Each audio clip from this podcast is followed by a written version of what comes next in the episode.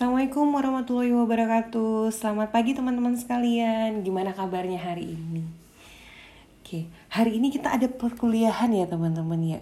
Kita ada perkuliahan ke-6 Kita bakal ngebahas apa sih? Kita bakal ngebahas tentang kesukaran dalam belajar. Nah ini relate banget ya teman-teman sama konten sosial media yang harus kalian buat. Jadi untuk teman-teman yang belum ngecekin atau belum bikin Ini mungkin bisa jadi salah satu apa ya? Mungkin bisa jadi salah satu ide kalian mau bikin tipe kesukaran belajar apa sih kayak gitu. Nah, teman-teman sekalian masih ingat gak sih sebelum kita masuk ke kesukaran belajar hari ini, kemarin kita kuliah ada apa aja sih? Kita kuliah belajar apa sih? Teman-teman mungkin sudah lihat ya, ada videonya, ada juga materi-materi yang sudah disampaikan.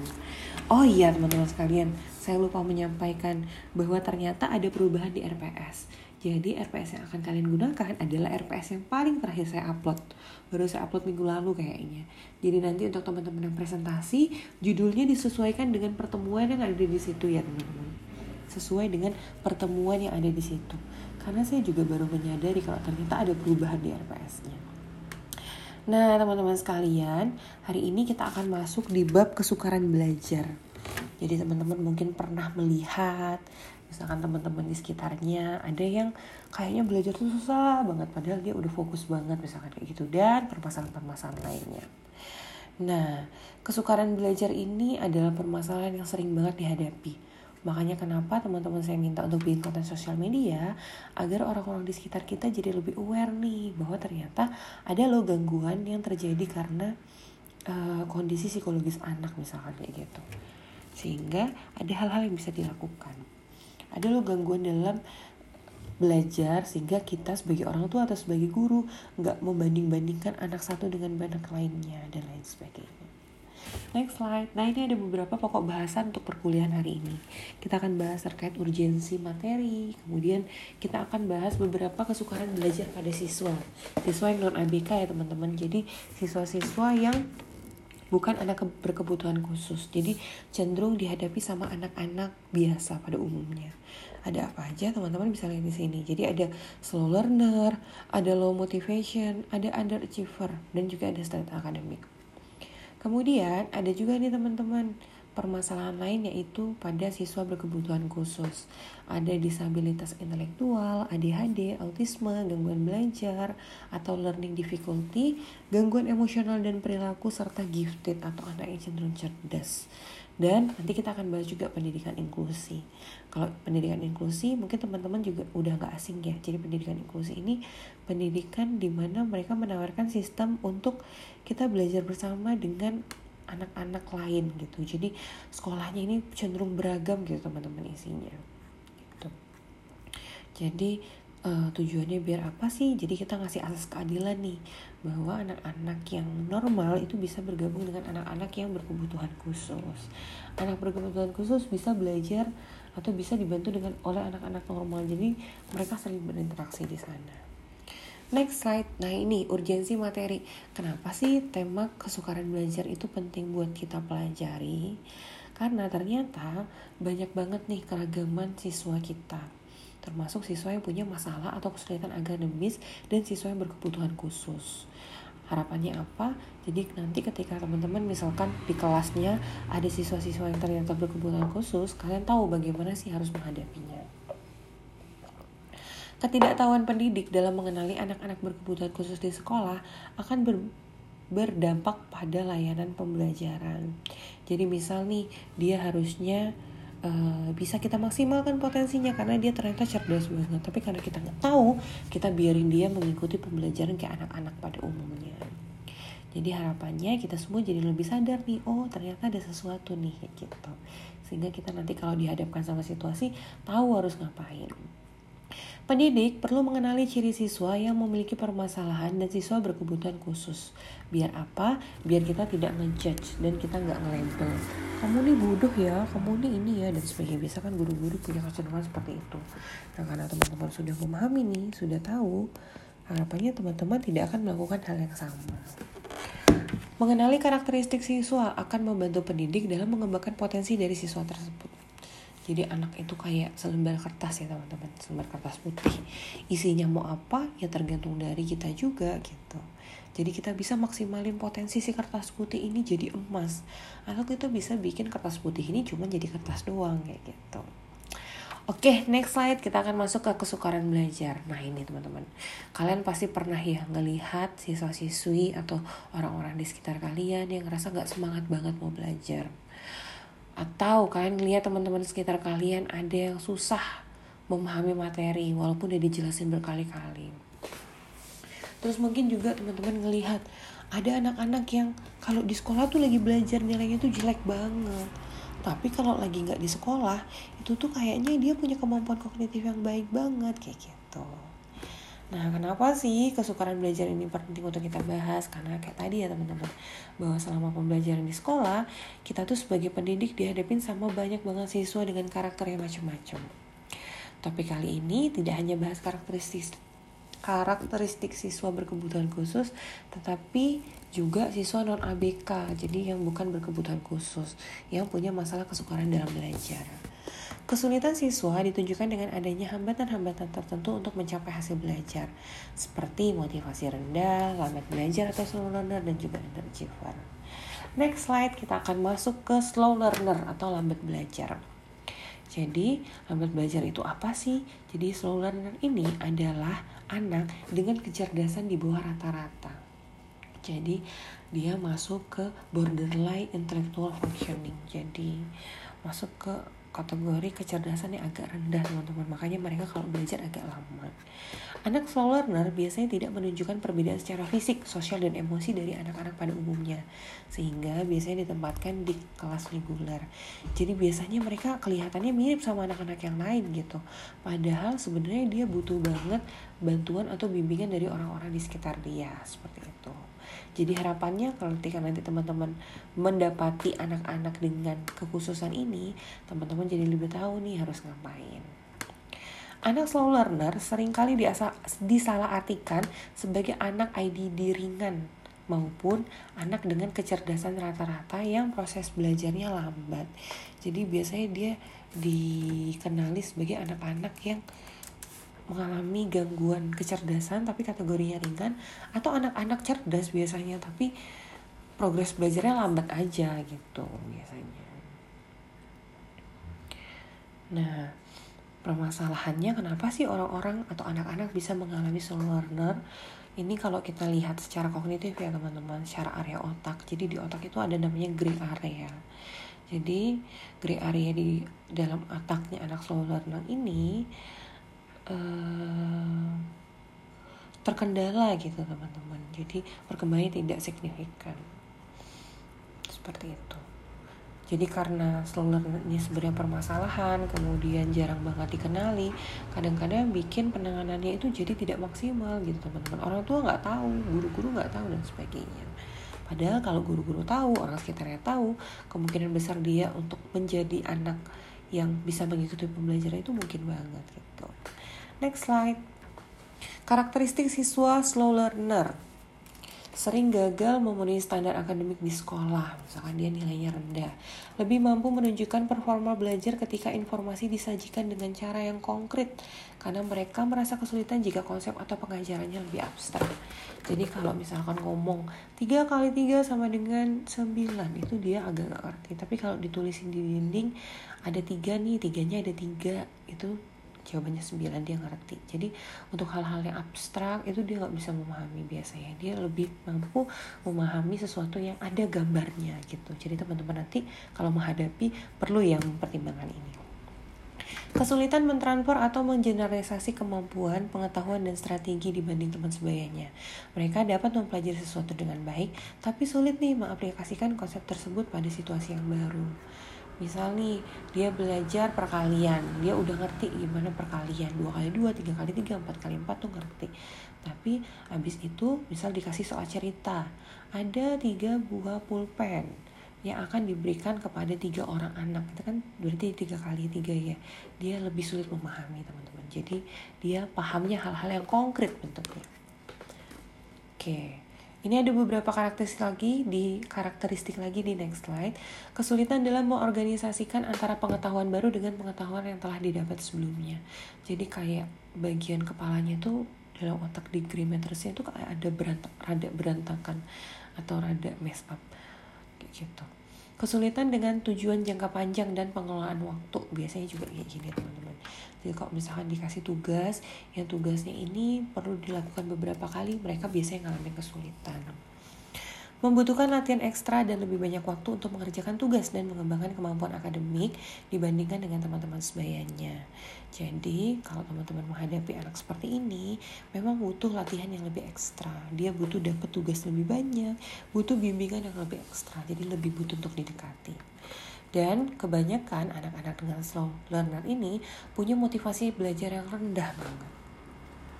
Oke, okay, next slide kita akan masuk ke kesukaran belajar yang lain yaitu low motivation atau motivasi yang rendah. Next slide.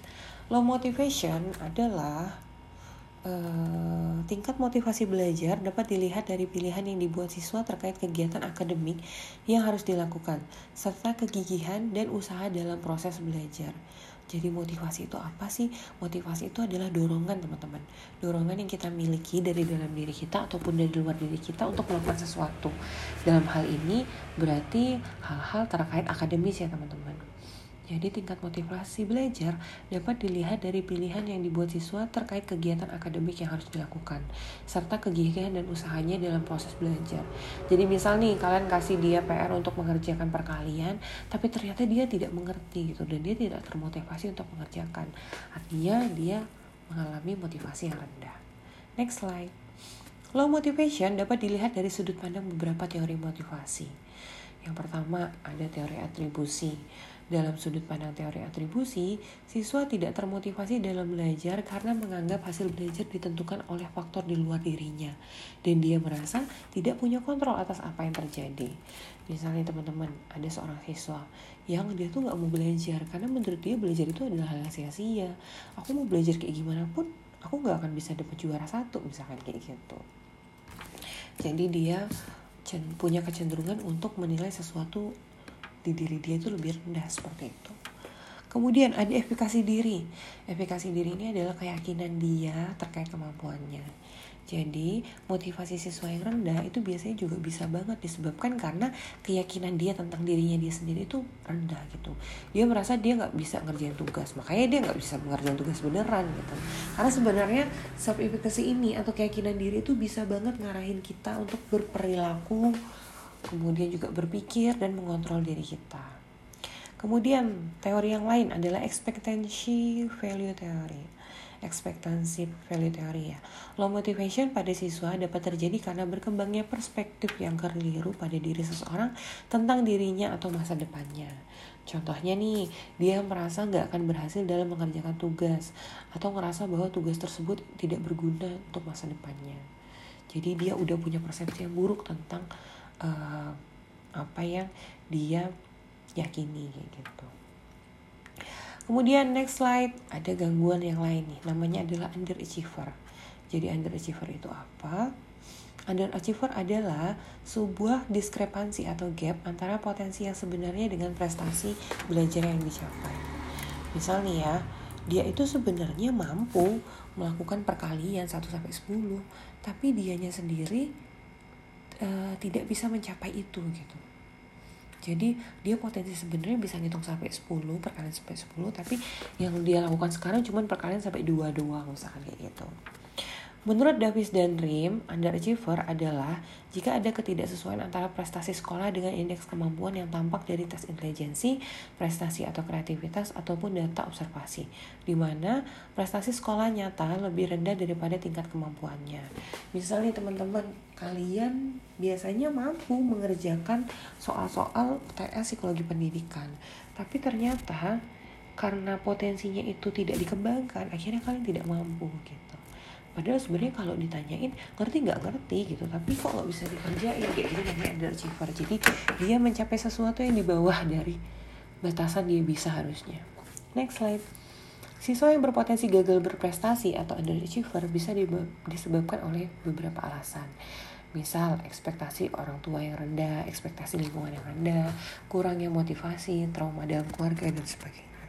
Jadi banyak banget penyebabnya kenapa sih siswa kita itu bisa banget underachiever. Siswa yang rentan mengalami underachiever biasanya adalah siswa-siswa yang pinter, siswa-siswa gifted yang kita nggak tahu kalau dia sebenarnya gifted. Siswa perempuan yang terbentur kultur atau norma sosial ada bias gender. Harusnya dia bisa nih ikut olimpiade matematika tapi katanya matematika itu cuman bisa dilakukan sama laki-laki karena isinya logika gitu akhirnya dia nggak bisa kemudian siswa dari kalangan atau etnis minoritas biasanya punya kecenderungan untuk malu nggak berani ngapa-ngapain dan sebagainya oke okay, next slide Nah, kita masuk ke bagian stres akademik. Jadi ada yang namanya stres akademik. Stres akademik itu apa sih? Kita next slide. Stres akademik adalah stres yang terkait dengan tekanan di sekolah, seperti ekspektasi terhadap performa akademis, tugas-tugas yang berat, dan persepsi diri yang rendah terkait hal-hal akademis. Aspeknya ada apa aja? Ada fisiologis, biasanya ngerasa kelelahan, sakit kepala pas belajar. Aspek emosional, ngerasa putus asa, tidak menyukai tantangan, emosi negatif pas belajar. Terus ada secara perilaku, mudah nangis, kurang mampu menceritakan masalah kepada teman, melakukan hal tidak biasa di sekolah dan sebagainya. Ada juga nih aspek kognitif, biasanya jadi berpikir negatif terhadap hal yang terjadi, memikirkan hal lain ketika lagi belajar. Sering mungkin ya teman-teman, stres akademik itu dihadapkan dihadapi sama siswa, termasuk juga teman-teman yang lagi mahasiswa sekarang. Kadang-kadang stres, kenapa sih Bu Chania bikin soal gampang banget? Enggak ya teman-teman. Biasanya kenapa sih ini soalnya susah banget? Gimana ya cara nyelesainnya? Karena kita mungkin tidak tahu tidak pernah akhirnya kita merasa kebingungan terus kita jadi mengalami yang namanya stres akademik. Next slide. Nah tadi kita udah bahas gangguan-gangguan atau masalah-masalah dalam kesukaran belajar masalah-masalah anak yang tidak berkebutuhan khusus. Sekarang kita akan masuk ke siswa berkebutuhan khusus. Next slide Nah ini teman-teman ya, kenapa sih sebenarnya penting banget untuk kita tahu gimana sih menanganinya. Bahkan Nadim, uh, menteri kita juga sempat bilang nih bahwa sebenarnya guru itu perlu tahu loh prinsip pendidikan untuk disabilitas dan sebagainya. Menurut saya secara pribadi, hampir semua guru harus mengetahui prinsip dasar pendidikan untuk kebutuhan khusus. Jadi harus bisa menangani dengan perhatian khusus. Next slide. Nah, ini ada beberapa macam dari gangguan atau masalah kesukaran belajar yang dihadapi oleh anak berkebutuhan khusus. Yang pertama adalah disabilitas intelektual. Mungkin teman-teman sering dengar ya teman-teman kalau tentang disabilitas intelektual. Next slide. Nah, ini teman-teman. Jadi deskripsinya adalah uh, intelektual disabilitas ini adalah gangguan secara kecerdasan. Jadi kalau teman-teman lihat di sebelah kanan ada tuh klasifikasinya. Jadi ada klasifikasi dari mild yang ringan banget, kemudian moderate, ada severe agak parah sama sangat parah. Jadi kalau yang gangguan kecerdasan ringan itu IQ-nya biasanya antara 55 sampai 70. Kalau gangguannya ringan uh, sedang itu 40 sampai 54 dan selanjutnya. Nah, biasanya gangguan intelektual ini muncul sebelum jadi kondisi dengan onset. Onset itu kemunculannya, teman-teman. Jadi, dia itu muncul sebelum usia 18 yang melibatkan kecerdasan terendah. Biasanya di bawah 70 dengan menggunakan tes kecerdasan. Jadi, sebelum usia 17 ta 18 tahun, biasanya udah kebaca nih kalau misalkan kita melakukan tes kecerdasan dan biasanya dia mengalami kesulitan dalam beradaptasi dengan kehidupan sehari-hari. Jadi susah nih, mungkin apa sih ada di sekitar kita gitu. Kemudian ciri-cirinya ada apa aja sih? Yang pertama, terjadi keterlambatan perkembangan, gangguan dalam fungsi kognitif seperti menalar, memecahkan masalah, dan seterusnya. Kesulitan dalam fungsi adaptif seperti memahami aturan, mengarahkan tugas-tugas harian, bersosialisasi, dan sebagainya. Jadi ada ada keterlambatan teman-teman, dan keterlambatannya biasanya cukup signifikan. Ada gangguan fungsi kognitifnya juga. Kadang-kadang kalau diajakin berpikir sesuatu yang cukup berat ya nggak bisa dan sebagainya. Next slide. Kemudian ada juga nih ADHD yang juga jadi salah satu masalah dalam belajar. ADHD ini ada apa aja sih? Ada attention deficit dan hyperactivity disorder. Jadi gangguan pemusatan perhatian atau hiperaktif kalau kita bilang di Indonesia. Jadi ada attention deficit atau kurangnya atensi gitu teman-teman. Dan hyperactivity disorder. Jadi perilaku aktifnya itu sangat berlebihan. Next slide. ADHD, sebuah disabilitas di mana seorang anak menunjukkan satu atau lebih karakteristik di bawah ini. Yang pertama, dia sulit banget memutas, memusatkan perhatiannya. Jadi, misalkan nih dia udah dikasih instruksi suruh menggambar, dia malah lari nyariin temannya dia, ganggu-ganggu temannya dan sebagainya. Kemudian hiperaktivitas, jadi aktivitas fisiknya tuh tinggi banget gitu teman-teman. Dan impulsivitas melakukan sesuatu kadang-kadang tanpa dipikirkan. Ciri atau gejala perilakunya, dia sulit fokus, pandangan mata mulai mudah teralih, sulit mengikuti instruksi dari guru, sulit mengendalikan diri, jadi sulit nunggu giliran biasanya, mengganggu, sulit duduk tenang, dan tugas-tugas tidak selesai karena dia tidak bisa memusatkan perhatiannya. Jadi sering banget segalanya itu jadi kacau gitu. Next slide, ada juga namanya autisme. Jadi autisme ini adalah gangguan yang ditandai dengan hambatan kognisi sosial, keterampilan sosial, dan interaksi sosial. Serta pengulangan perilaku tertentu, terdapat keterlambatan kognitif dan kemampuan linguistik serta menunjukkan abnormalitas dalam berkomunikasi. Jadi ada beberapa hal ya teman-teman. Yang pertama ada hambatan dalam kognisi sosial. Jadi dia masalahnya di bagian sosial biasanya memang. Kemudian ada uh, pengulangan perilaku tertentu. Jadi biasanya nih, misal anak aktif autis suka banget hal-hal yang lingkaran gitu. Terus ya udah dia cuma main hal-hal itu aja gitu. Jadi dia terfokus sama sesuatu dalam waktu yang lama biasanya. Ciri-cirinya aspek sosialisasi itu dia tidak tertarik dengan apa yang terjadi di sekitarnya, nggak suka disentuh, susah memahami maksud pembicaraan orang lain dan sebagainya. Aspek bicara mengulangi kata yang sama berulang kali, tidak memahami arahan, pernyataan atau pertanyaan sederhana. Nah, ciri-cirinya biasanya aspek nonverbal itu dia kelihatan dari dia menghindari kontak mata, ekspresi wajahnya nggak sesuai. Misalnya dia lagi sedih, dia nggak nangis tapi dia ketawa tidak menanggapi ekspresi. Misal teman-teman senyum ke dia dia nggak senyum. Nah ada bicara ataupun gesture dari orang lain. Next slide ada yang namanya juga uh, learning disability atau gangguan belajar. Nah gangguan belajar ini ada macam-macam ya teman-teman. Teman-teman bisa cek di next slide. Jadi kesulitan dalam belajar yang melibatkan pemahaman atau penggunaan bahasa lisan atau tulisan Kesulitan bisa muncul dalam hal mendengarkan, berpikir, membaca, menulis, dan mengeja, serta dalam mengerjakan matematika. Gitu, teman-teman. Masalah pada siswa, gangguan belajar bukan berasal dari gangguan visual, bukan karena telinganya, teman-teman, bukan karena matanya atau karena badannya. Tapi yang terjadi adalah sulit untuk dengerin, sulit untuk mendengarkan, berpikir, baca, menulis, dan sebagainya. Nanti kita akan lihat jenis gangguan belajar kesulitan dalam berbahasa, membaca dan mengeja. Terus ada juga disgrafia. Oke, saya perbaiki dulu slide-nya. Ini jadi yang pertama itu adalah disleksia. Jadi disleksia itu adalah kesulitan dalam berbahasa, membaca dan mengeja. Terus ada disgrafia, dia sulit nulis. Terus ada juga diskalkulia, jadi kesulitan untuk berhitung. Ciri-cirinya, mereka semua bermasalah dalam pencapaian akademik. Nilai akademiknya rendah pada kemampuan yang memerlukan kemampuan membaca atau menulis. Sulit mengingat informasi dan juga motivasi belajarnya rendah. Nah, teman-teman bisa lihat ini ya. The day I jadi dia mengalami kesulitan membedakan antara D sama B. Ini juga nih drumstick harusnya tapi jadi ini. Terus ini nggak ada spasi. Ruby jadi Rudy. Jadi dia punya kesulitan untuk menulis yang benar. Nah, kalau kesulitan menulis itu namanya disgrafia. Ada juga yang tadi ya teman-teman sulit menghitung diskalkulia. Ada juga sulit berbahasa, membaca itu namanya disleksia. Next slide, ada nih namanya gangguan emosi dan perilaku. Biasanya kita bilangnya emotional and behavioral disorder.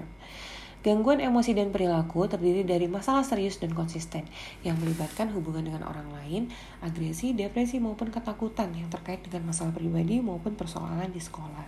Jadi emosinya yang terganggu. Ciri-cirinya punya nilai akademis yang rendah, melakukan tindakan agresif, baik verbal ataupun non-verbal. Jadi cenderung ke marah-marah, memukul dan sebagainya.